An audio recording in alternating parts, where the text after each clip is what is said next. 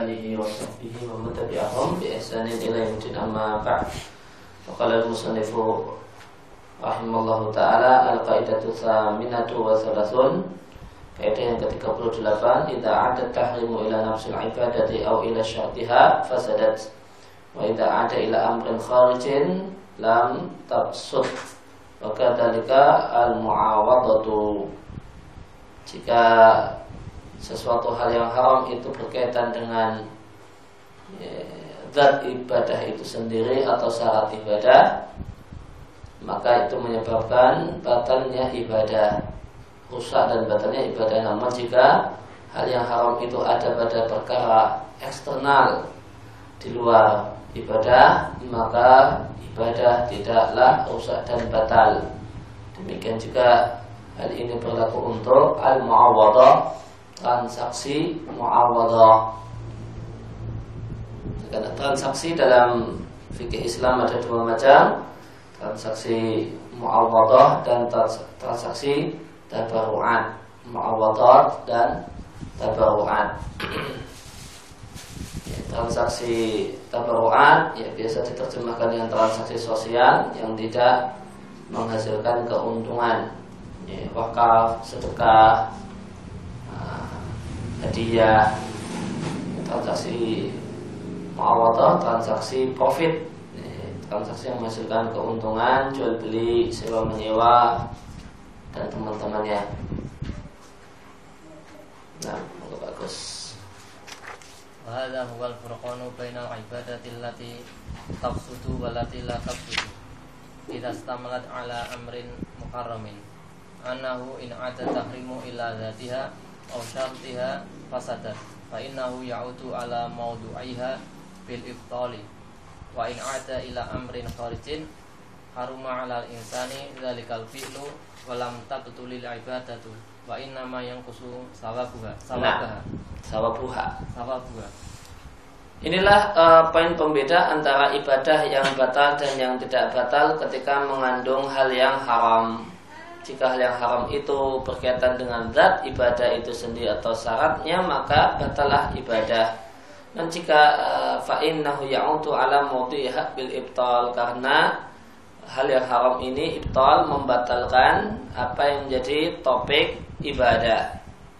Namun jika berkaitan dengan faktor eksternal di luar ibadah maka haram atas orang tersebut melakukannya namun ibadahnya tidak batal cuma mengurangi pahalanya cuma berkurang sawabuha pahalanya.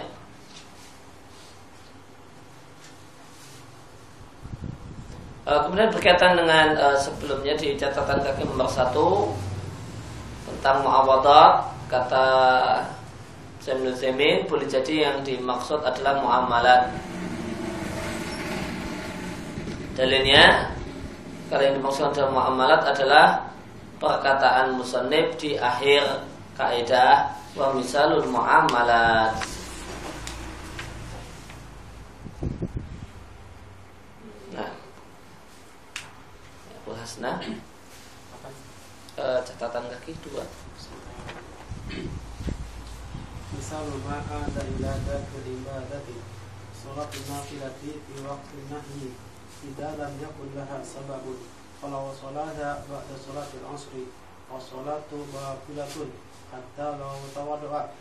وجاء بجميع الشروط لأن النهي عاد إلى ذلك العبادة ومن ذلك صوم يوم العيد فإذا صوم الإنسان يوم العيد فصومه باطل لأن صوم يوم العيد منهي عنه وكذلك في المعاملات kama sayati insyaallah lakin idza anda ila syaratiha fa in kana ala wajhin yahtasu biha fa innaha tabtul wajhil umumi fa fiha khilafun.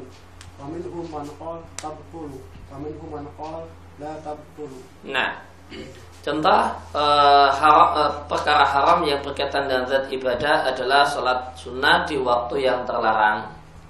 Jika tidak memiliki sebab. Maka seandainya seorang mengerjakan sholat sunnah setelah sholat asar Maka sholatnya batal meskipun dia berwudu dan memenuhi semua syarat sah sholat Karena larangan adalah sholatnya itu sendiri Karena yang dilarang adalah ibadahnya itu sendiri. Jangan sholat, dilarang sholat. Jadi ibadahnya itu sendiri. Wa min dan di hal tersebut adalah contoh yang lain adalah puasa hari pada saat hari Aid. Maka jika seorang puasa pada hari Aid, maka puasanya batal karena puasa pada hari Aid adalah puasa yang terlarang. Ya, maka yang dilarang adalah puasanya itu sendiri. Ya, larangan adalah isinya adalah janganlah puasa pada hari Aid. Maka yang dilarang adalah puasanya itu sendiri. Maka tadi demikian juga masalah muamalah sebagaimana akan datang penjelasannya insya Allah taala. Kemudian yang kedua batal jika berkaitan dengan syarat ibadah. Maka berkaitan dengan perkara haram dalam syarat ibadah di sini saya Muslimin memberikan rincian jika perkara yang haram berkaitan dengan syarat ibadah itu ala wajin yukhtassu biha yakhtassu biha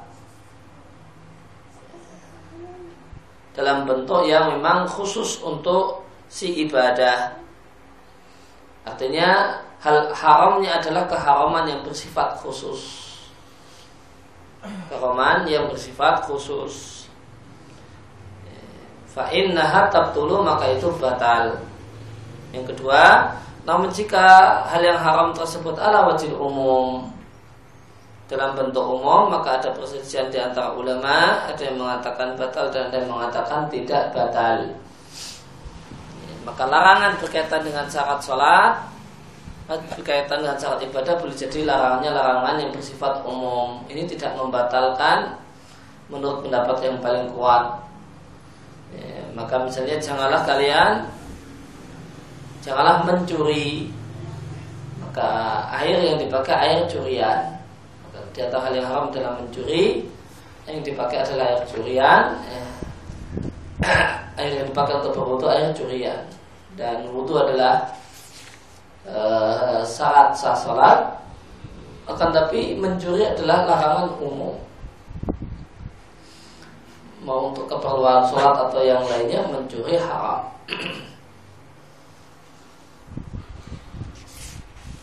Maka ini terdapat perselisihan di antara ulama dan nanti akan kita lihat pendapat yang dipilih oleh Syekh Nutaimin ini tidak batal karena larangannya larangan umum. Yang batal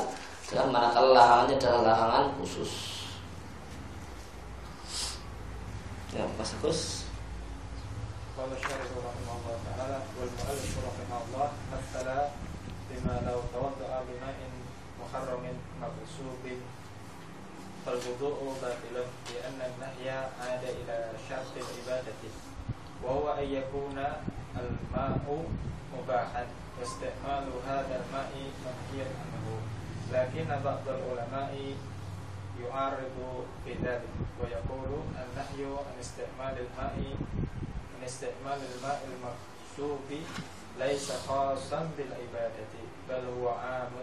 وإذا وقع المنهي عنه في العبادة وهو عام فإنه لا يفسدها. ولهذا لا تفسد الغيبة صوم الصائم مع أنه منهي عنها.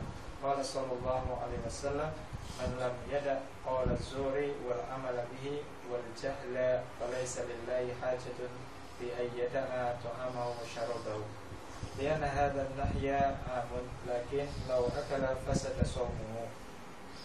لأن النهي عن الأكل خاص بالصوم فالقول الراجح عندي أن الوضوء بالماء المغصوب صحيح لأنه لم يأتي في الشرع لا تتوضأ بماء مغصوب وإنما جاء بعدم بعدم استعمال الماء المغصوب فلم ينهى عن الوضوء بالماء بالماء المغصوب خاصة حتى نقول إنه لو توضأ لفعل عبادة منهيا عنها بذاتها لكن لا شك أنه يأثم.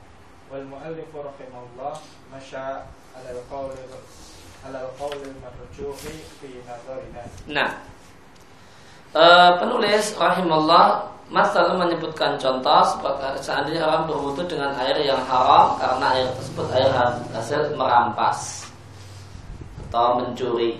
Maka wudhu batal karena larangan berkaitan dengan syarat ibadah yaitu hendaknya syarat sah wudhu airnya haruslah air yang mubah untuk dipakai. Sedangkan penggunaan air curian atau rampasan ini satu hal yang terlarang. Akan harus sebagian ulama menolak pendapat ini dan mengatakan larangan menggunakan air hasil rampasan bukanlah larangan yang bersifat khusus dengan si ibadah dan berkaitan dengan umum Wa'idha waqa'al manhiyum maka jika ada hal yang terlarang dalam ibadah dan dia bersifat umum tidak membatalkan ibadah. Oleh karena itu riba tidaklah membatalkan puasa orang yang berpuasa padahal riba itu adalah satu hal yang haram. Sebagaimana sabda Nabi, siapa yang tidak meninggalkan ucapan palsu dan e, beramal dengannya dan ucapan e, al-jahla dan e, tindakan sebagaimana tindakan orang bodoh maka Allah tidaklah membutuhkan puasanya itu kegiatan dia meninggalkan makan dan minumnya. Dia nahat dan nahya karena larangan bersifat umum. Akan tapi seandainya orang itu makan maka puasanya batal. Karena larang untuk makan itu khusus untuk puasa. Tidak bersifat umum.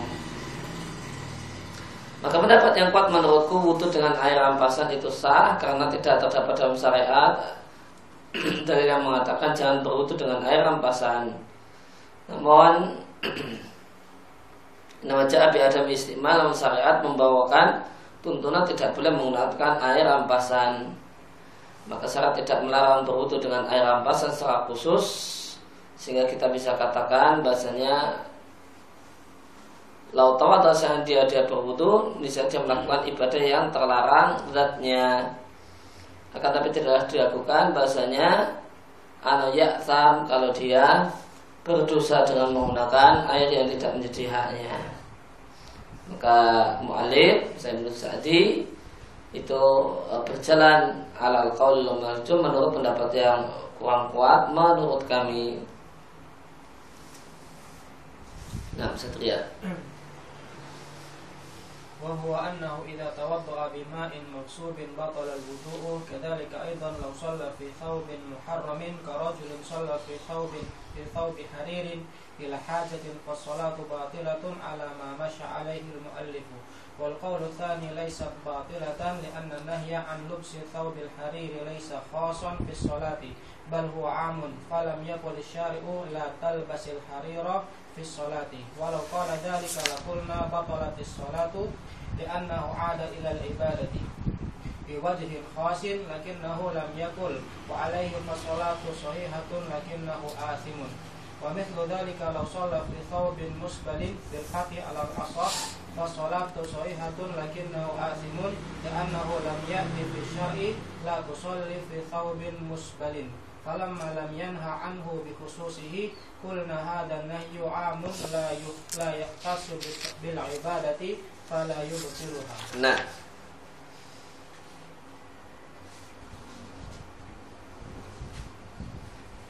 Kadzalika demikian juga lau salat seandainya orang itu salat dengan memakai pakaian yang haram semacam orang yang salat menggunakan e, kain terbuat dari sutra tanpa ada kebutuhan maka salatnya batal mengikuti pendapat penulis pendapat kedua tidak batal karena larangannya adalah larangan umum tidak boleh memakai pakai sutra tidak khusus dalam sholat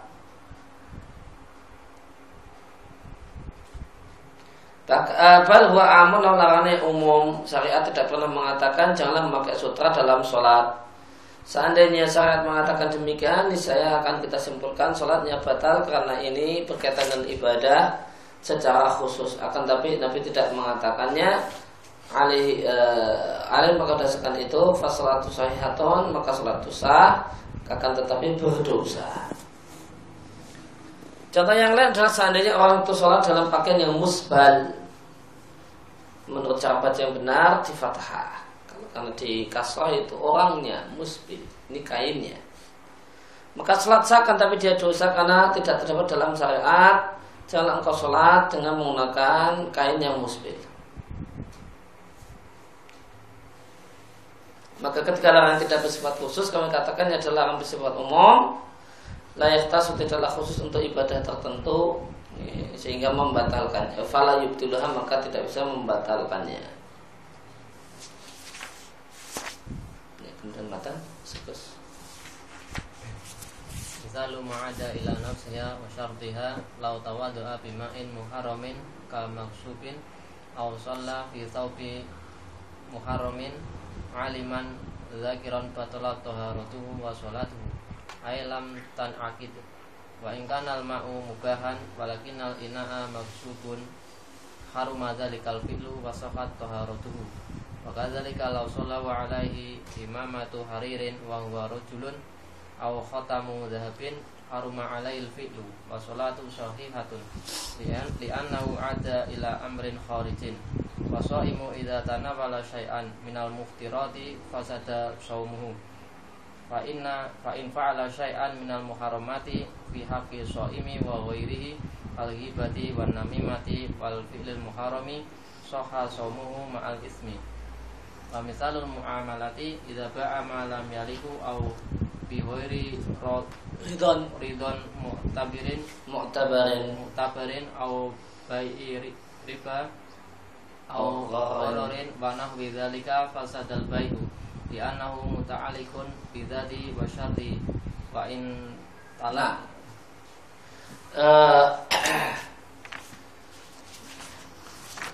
Misal ma'ada ila nafsiha Contoh yang larangan hal yang haram berkaitan dengan zat ibadah dan syaratnya. Seandainya orang berwudu dengan air yang haram Air hasil merampas atau sholat menggunakan sauk Menggunakan kain yang haram dalam keadaan tahu dan ingat Sholat tohara dan sholatnya batal. Batal di sini maknanya lam tan aqid Dalam bahasa fikih Kalau sholat itu tidak jadi Itu disebut lam tan akid. Yang namanya batal itu awalnya sah. Sebelum berakhir rusak. Itu disebut batal. Kalau sejak awal tidak ada Memang tidak sah sejak awal Sejak awal tidak sah biasa disebut dengan la tan akid.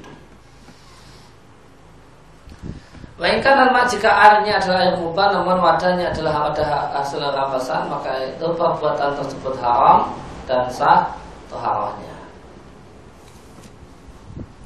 Demikian juga ketika sholat memakai sorban dari sutra dan laki-laki atau pakai cincin emas maka haram perbuatan tersebut sedangkan sholatnya sah karena larangan di sini berkaitan dengan amdal kharijin fakta eksternal.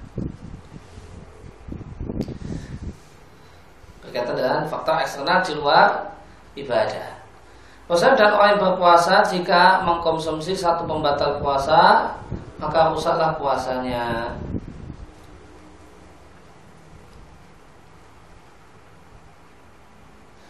Sedangkan jika seorang saim itu melakukan sesuatu yang haram, baik dalam kondisi puasa ataupun tidak puasa, semacam riba, namimah dan melakukan perbuatan-perbuatan yang haram, maka puasa tetap sah. Namun maka itu dosa haram dan dosa eh, namun puasanya sah dan dia mendapat eh, puasanya sah dan dia mendapatkan dosa. Ini wa misalnya muamalah contoh muamalah ini, ini jadi dalil perkataan Sayyid Muthaimin kalau muawadat yang dimaksudkan adalah muamalah. Jika seorang itu menjual barang yang tidak dia miliki atau tanpa ridho orang pemilik dengan keridhaan yang diakui atau jual beli riba, dan yang lainnya, maka batallah transaksi jual beli. Nah, ini berkaitan dengan zat dan syaratnya.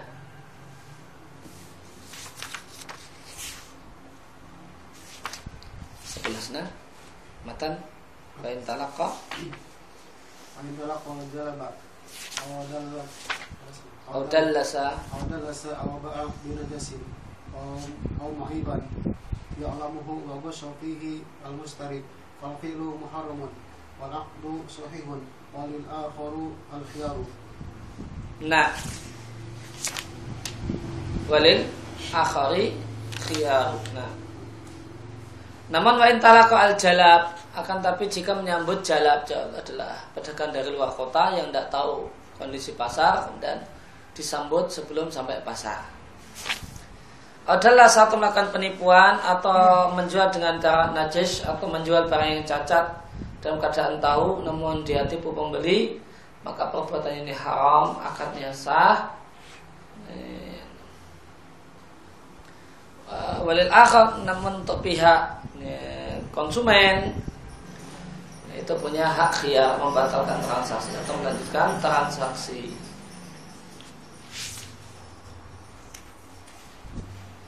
Nah, Mas Agus.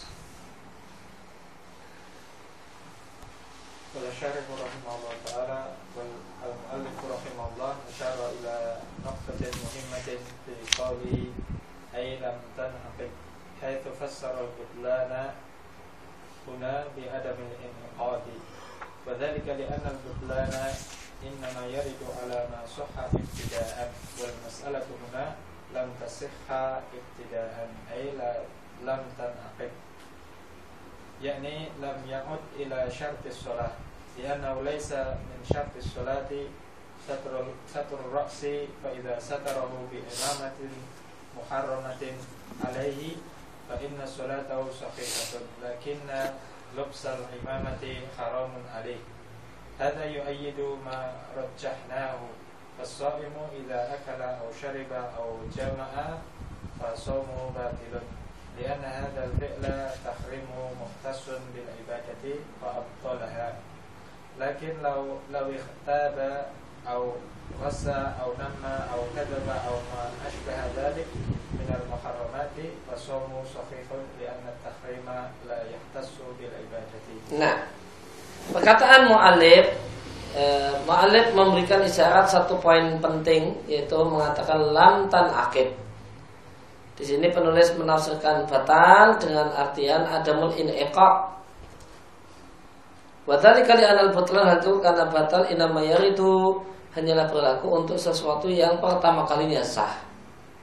Sedangkan dalam masalah ini sejak awalnya tidak sah, sehingga statusnya namanya lam tan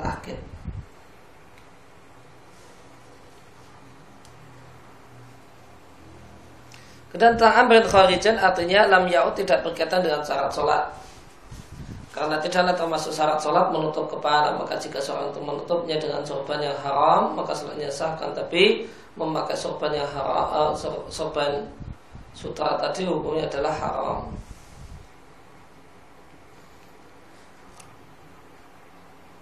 Kemudian yang ketiga ya, Hata ini menguatkan apa yang kami pilih maka orang berpuasa jika makan dari atau hubungan suami istri puasanya batal. Ya, anna hadal fi'la karena perbuatannya adalah larangannya bersifat khusus untuk ibadah puasa. Maka membatalkannya. Akan tapi seandainya melakukan riba, penipuan, namimah, bohong atau semacam itu yang merupakan perbuatan-perbuatan haram, maka puasanya orang yang berpuasa sah Kenapa? Karena hukum haram tidak berkaitan dengan tidaklah khusus berkaitan dengan ibadah itu sendiri. Menipu haram dalam e, semua keadaan. Tidaknya khusus berkaitan dengan sholat. Demikian juga riba, maka larangannya larangan umum, tidak khusus spesifik untuk ibadah tertentu. Maka ini sah namun berdosa.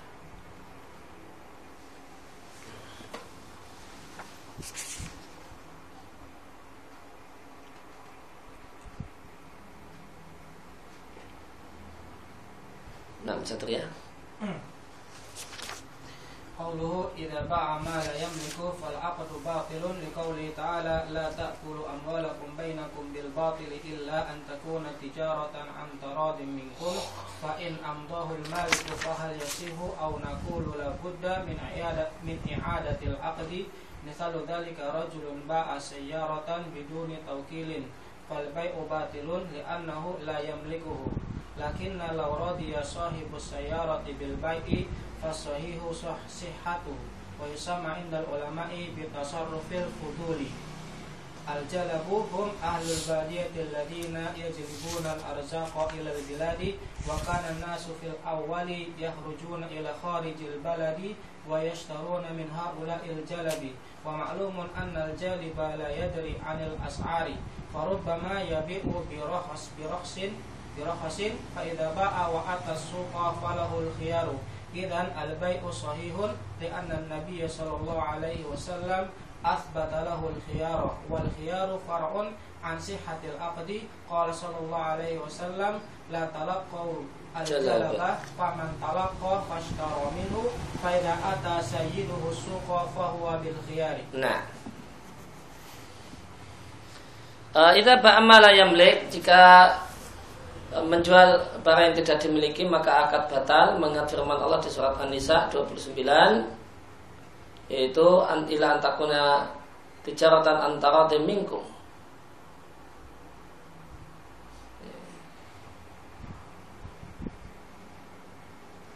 Fal batilun maka akad itu batal mengingat firman Allah wala taqulu ambalakum bainakum bil batil. Nah ini yang bil batil bukan yang ila takuna tijaratan antara tim minkum yang mahal syahidnya eh, takulu ambalakum bainakum bil batil. Janganlah kalian makan harta orang lain dengan cara yang tidak benar. Di antara cara yang tidak benar menjual sesuatu yang tidak dimiliki. Namun gimana jika amdahu al-malik sang pemilik setelah tahu mengikhlaskan. Variasi maka apakah akadnya menjadi sah atau kita katakan tidak boleh tidak harus mengulang akad. Contohnya adalah seorang itu menjualkan mobil orang lain tanpa persetujuannya. Tanpa disuruh dia jual kan. Biduni tokil tanpa dia suruh, tanpa disuruh, tanpa diminta bantuan. Maka akadnya batal karena dia tidak memilikinya. Akan tapi seandainya ternyata pemilik mobil rela dengan transaksi jual beli, harganya mau cocok. Fasai maka pendapat yang benar jika sudah direlakan maka sah dan tindakan semacam ini dalam bahasa para ulama dalam bahasa buku-buku fikih biasa disebut dengan sebutan tasawuf fuduli atau baik fuduli jual beli fuduli. Itu menjual barang milik orang lain.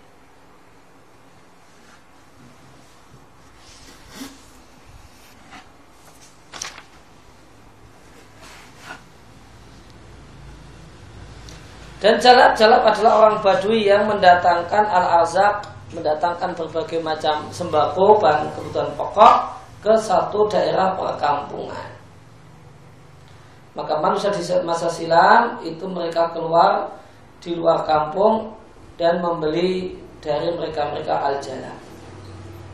Dan satu hal yang tentu maklum bahasa jalib si pengimpor ini tidaklah mengetahui kondisi harga maka boleh jadi dia jual dengan harga yang terlalu murah.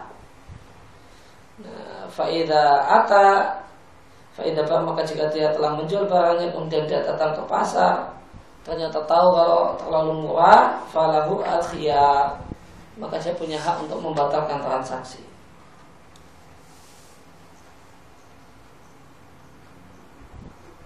Dan artinya e, jika demikian jual belinya akadnya sah karena Nabi Shallallahu Alaihi Wasallam menetapkan adanya khiyar bagi orang semacam itu. Dan kaidah dalam masalah ini dalam masalah fikih muamalah al khiyaru far'un an sihatil aqdi ini kaidah.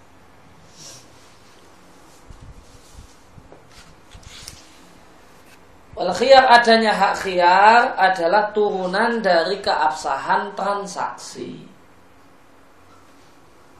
Kalau transaksi sah, maka ada hak akhir. Hak akhir indikator kalau itu transaksi sah. Transaksinya tidak sah, maka tidak ada hak akhir. Dan tentang masalah larangan jalan, janganlah kalian menyambut jalan, yaitu di luar kampung. E, maka siapa yang berjumpa kemudian membeli dari jalan, lalu ternyata pemilik barang datang ke pasar dan tahu keadaan sebenarnya, fawabil khiyar, maka dia punya hak. Ya, memilih untuk melanjutkan transaksi ataukah membatalkannya.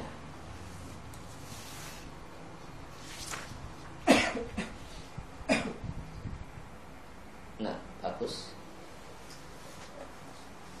At-tadlisu ayyudhara sil'atu bi mazharin marhubin fi wa hiya aliyatun minhu. Mislu ayakuna indahu jariyatun qad abiyadha sya'ru ra'siha minas syaibi fa yusbihuhu bi aswada hatta yadunna al mustari anha syabatun wa mislu ayakunna lahu baitun baitun qati qatimun fa fayutli fayutli jidar judranahu. bima yaktati ayakuna jadidan. An an najasu ayyazida fi sil'ati wa huwa la yuridu syira syira'aha aw mu'iban ya'lamuhu ay al bai'u wa ghashafi al mustari min dzalika ma yaf'alu al sayyarati ya'ti sahibu sayyarati li bai'iha wa huwa ya'lamu anna fiha aiban. Thumma yaqulu li lilladzi Mayakulu Mana?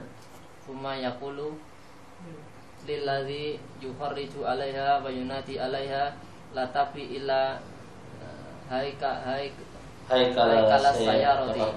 Au itar au itarat au itaratis sayarati au lauhati.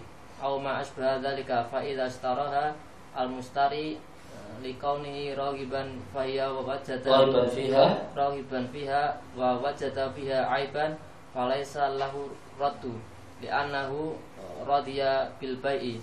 Lakinnal qawla rajiha fi hadhil mas'alati annal bai'a idza kana aliman bil aibi fa innal fa inna lil mustari al khiyara Al-khiyaru. al khiyaru hatta law radiya bil bai'i muamalatan lil bai'i yang Binaqidi binaqidi qasdihil muharrami. Nah, datang Nah, tentang tadlis, tadlis adalah menampakkan tadlis dalam perdagangan, menampakkan barang dagangan bimadhar dengan penampilan yang menarik, waya khaliyatun minhu padahal barang dagangan tersebut bersih dari hal yang menarik, sama sekali tidak menarik. Contohnya adalah budak perempuan yang telah memutih rambut kepalanya karena uban lalu diberi warna hitam sehingga pembeli budak menyangka kalau ini masih muda sehingga harganya mahal.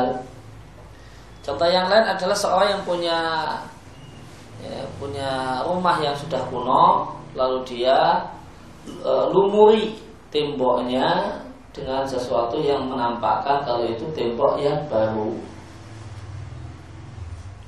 Najas adalah menambahi e, harga jual satu barang oleh orang yang tidak ingin membelinya. Kemudian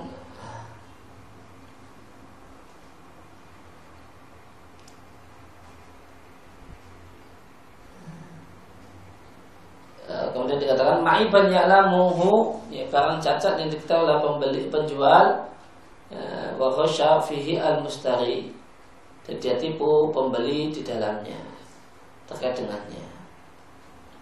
Artinya ma'ibat barang cacat ini diketahui oleh al-ba'i penjual kemudian digunakan untuk ngakali si pembeli.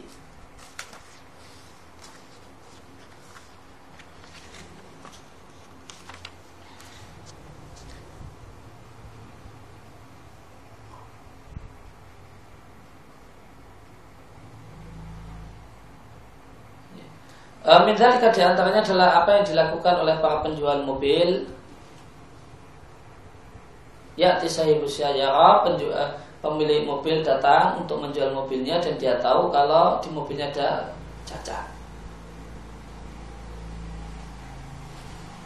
Tumayakulu kemudian dia berkata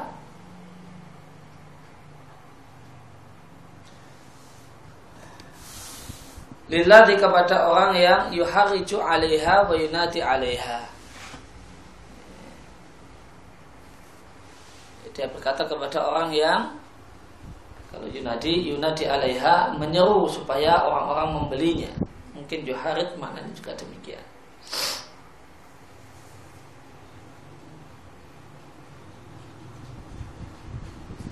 Dia katakanlah tapi janganlah kalian jual ilahai kala sayarah.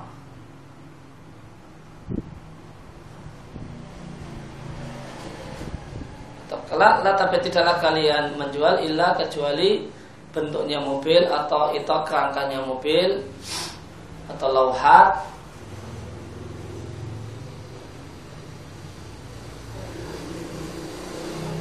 lauhat itu maknanya di sini ya mungkin surat-surat lah bekas-bekasnya mobil. Atau semacam itu. Maka jika pembeli telah membelinya karena dia tertarik dengannya namun dia ternyata jumpa itu cacat, maka falai salah Maka dia tidak boleh mengembalikan karena dia telah rela dengan transaksi. Demikian pendapat Syekh Musadi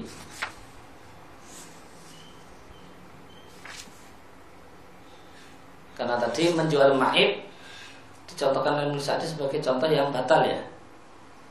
Yang muamalah yang batal.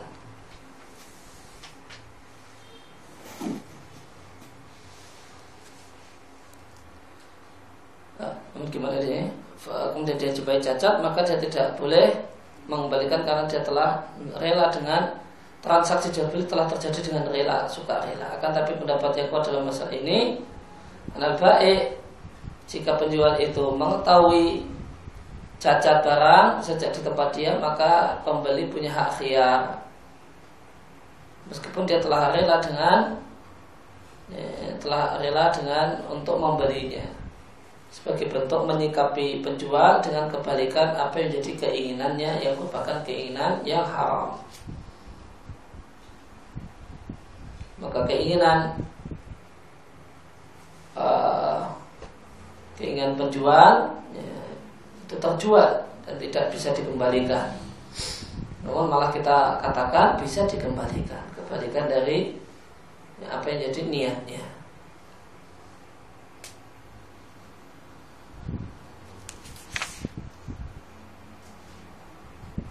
Ya, kemudian kaidah berikutnya kaidah yang ke-39 la yajuzu taqdimul ibadati ala sababil wujubi. Tidak boleh mendahulukan satu ibadah dikerjakan uh, di uh, lebih dulu daripada sababul wujud. Wajus dan boleh mengedepankan mendahulukan ibadah eh, ba'da wujudis sababi setelah adanya sebab yaitu sababul wujud wa qabla syartil wujud namun sebelum syarat wajib wa tahaqquk dan ini betul-betul realnya syarat wajib. Telah betul-betul nyata satu wujud. Maka berkaitan dengan masalah ibadah maka ada sababul wujud dan ada syaratul wujud Maka di sini dikatakan ibadah boleh dikerjakan setelah sababul wujud sebelum syatul wujud. Boleh. Namun tidak boleh sebelum sababul wujud. Kalau dikerjakan sebelum sababul wujud tidak boleh. Kalau setelah sababul wujud sebelum syatul wujud boleh. Contoh standarnya masalah kafaroh sumpah. Contoh standarnya masalah kafaroh sumpah. Sababul wujud adalah ucapan sumpah. Syaratul wujubul kafaroh melanggar sumpah. Syarat wajibnya kafaroh itu melanggar sumpah. Namun sebab wajibnya kafarah sumpah adalah ucapan sumpah.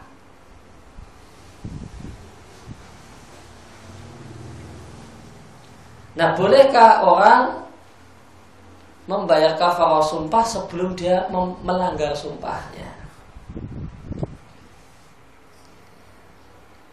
Jawabannya boleh.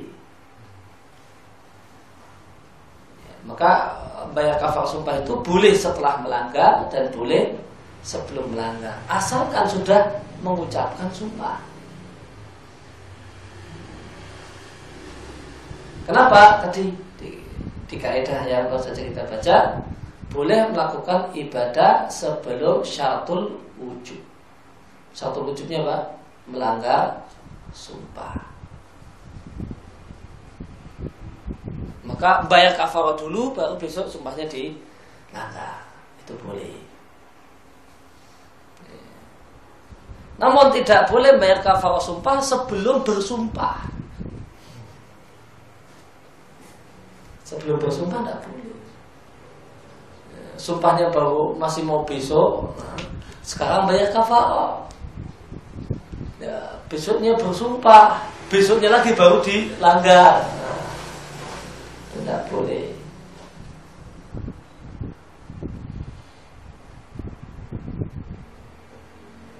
Karena apa? Karena sebelum sababul wujud. Perhatikan, ada sababul wujud, ada syatul wujud. Contoh standarnya ingat-ingat masalah kafarah sumpah. Syatul wujud adalah melanggar sumpah. Sababul wujud adalah bersumpah, mengucapkan kalimat sumpah.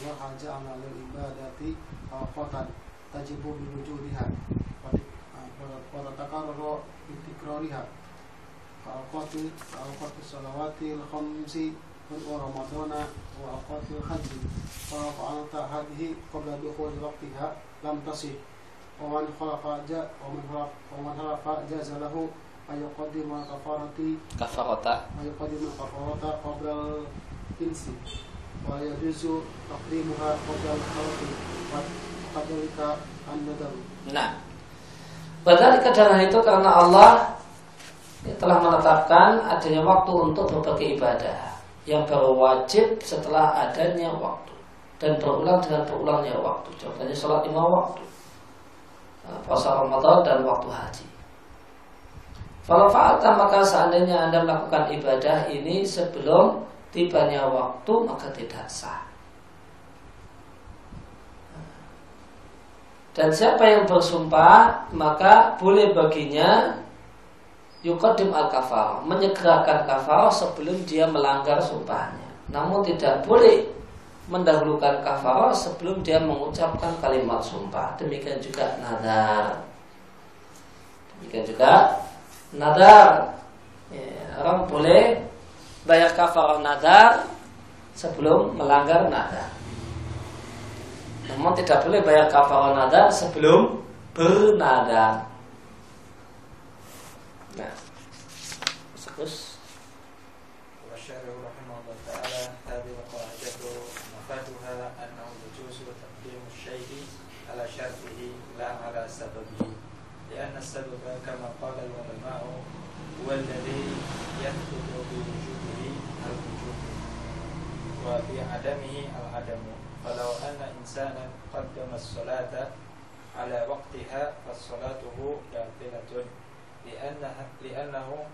على سببها وهي لا تجد إلا بوجود السبب. ولو أن رجلا نوى أن يخلف على شيء ثم قدم الكفارة على اليمين وقال أريد أن أقدم كفارة هذا اليمين قبل الخلف من أجل أن أذكر أنني غرمت وهذا الغرم يلزمني بالخلف كذا يقول. وعقول الناس تختلف ثم خلف ثم خلف ألا يكلمه ثم كلمه. فهنا تلزم الكفارة. لأن الكفارة الأولى قدمها على السبب لكن لو خلف ألا يكلم فلانا ثم بدله أن يكلمه فكفر قبل أن يكلمه فهنا يصح. لأنه أتى به wujudis sababi wa qabla wujudis syartil wujudi. Nah, hadil kaidah kaidah ini mafadwa isinya boleh mendahulukan sesuatu sebelum syarat wajib, namun tidak boleh mendahulukan sesuatu sebelum sebab wajib. Dan pengertian sebab sebagaimana kata para ulama adalah sesuatu yang yatbut ada dengan keadaan adanya dia. Yatbut biwujudihi jika sabab itu ada, maka ibadah ada. Wabi adamihi, jika tidak ada sebab al-adam, maka tidak ada ibadah. Fawana insanan maka seandainya seorang itu mendahulukan sholat sebelum waktunya maka sholatnya batal karena dia telah mendahulukan sholat sebelum sebabnya. Wahya dan sholat adalah wajib kecuali dengan adanya sebab. Seandainya ada seorang berniat untuk bersumpah untuk melakukan sesuatu kemudian dia dahulukan kafar sumpah sebelum dia berucap sumpah maka tidak boleh. Semisal dia mengatakan aku ingin melakukan kafarah sumpah ini sebelum bersumpah dalam rangka supaya aku ingat kalau aku kena denda. Dan denda itu mengikat mengikat mengikat aku dengan gara-gara sumpah. Demikian dia katakan. Dan akal manusia memang beda-beda Tumahal fa'ala yukalima Kemudian ada seorang yang bersumpah untuk tidak ngomong dengan seseorang Ternyata dia ngomong Maka wajib baginya kafar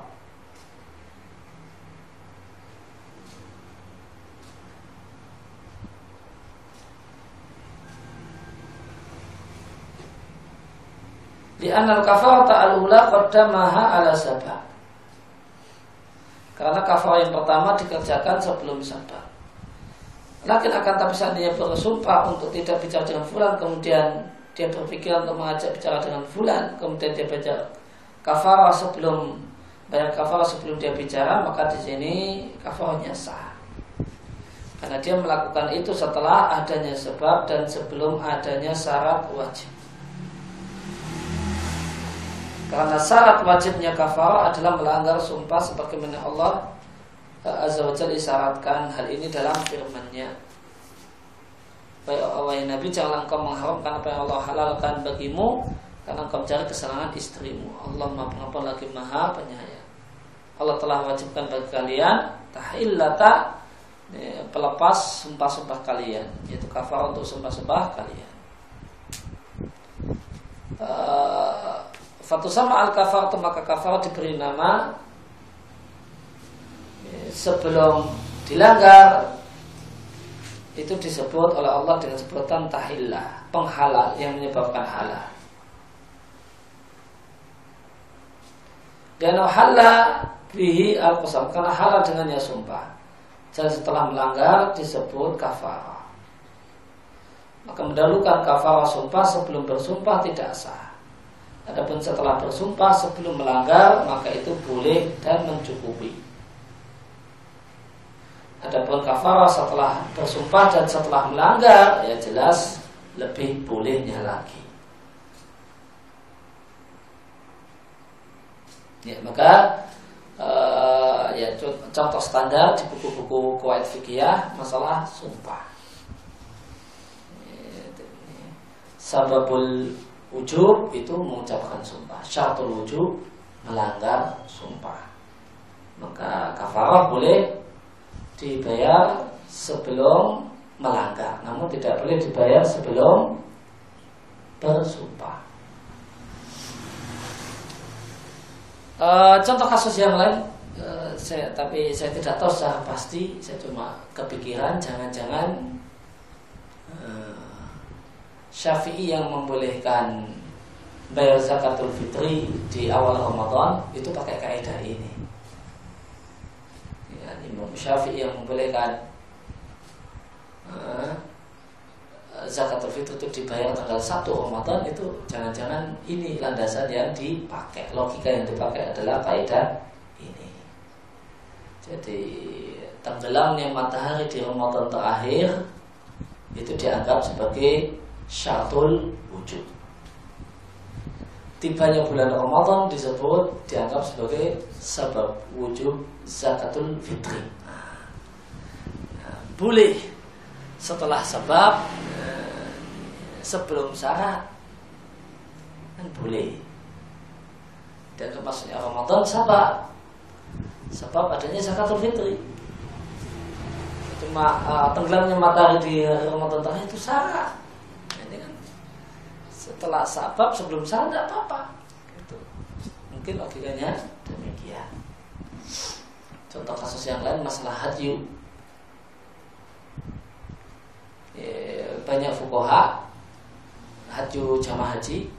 Ya, dan ini disembelih sama dengan uh, korban udhiyah tanggal ya, 10 sampai 13 banyak fukuhab banyak ahli fikih mengatakan boleh setelah tibanya bulan Dhul Hijjah jadi tanggal 1, tanggal 2, tanggal 5 itu sudah nyembelih hadyu. Ya, misalnya jamaah haji yang tamat wajib nyembelih hadyu. Hadyunya sudah di tanggal tanggal 5 itu boleh. Sebagian banyak fuqaha membolehkannya tidak harus menunggu tanggal 11 dan seterusnya. Nah, ini jangan eh, kalau ini jelas di keterangan di eh, apa keterangan di Tasra Alam yang disampaikan? Sebagian fuqaha membolehkan di awal-awal Betul Hijjah meskipun itu belum tanggal 10 karena ini adalah setelah sababul wujud dan sebelum syatul wujud. Ya tidak apa sebelum syatul wujud. Setelah sababul wujud tapi nampaknya kalau berdasarkan hal ini boleh jadi terjadi diperselisihkan.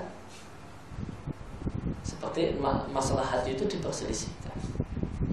Kan enggak harus setelah tanggal eh, setelah tanggal 10 ya, kalau tahu tanggal 1 atau dijak belum boleh.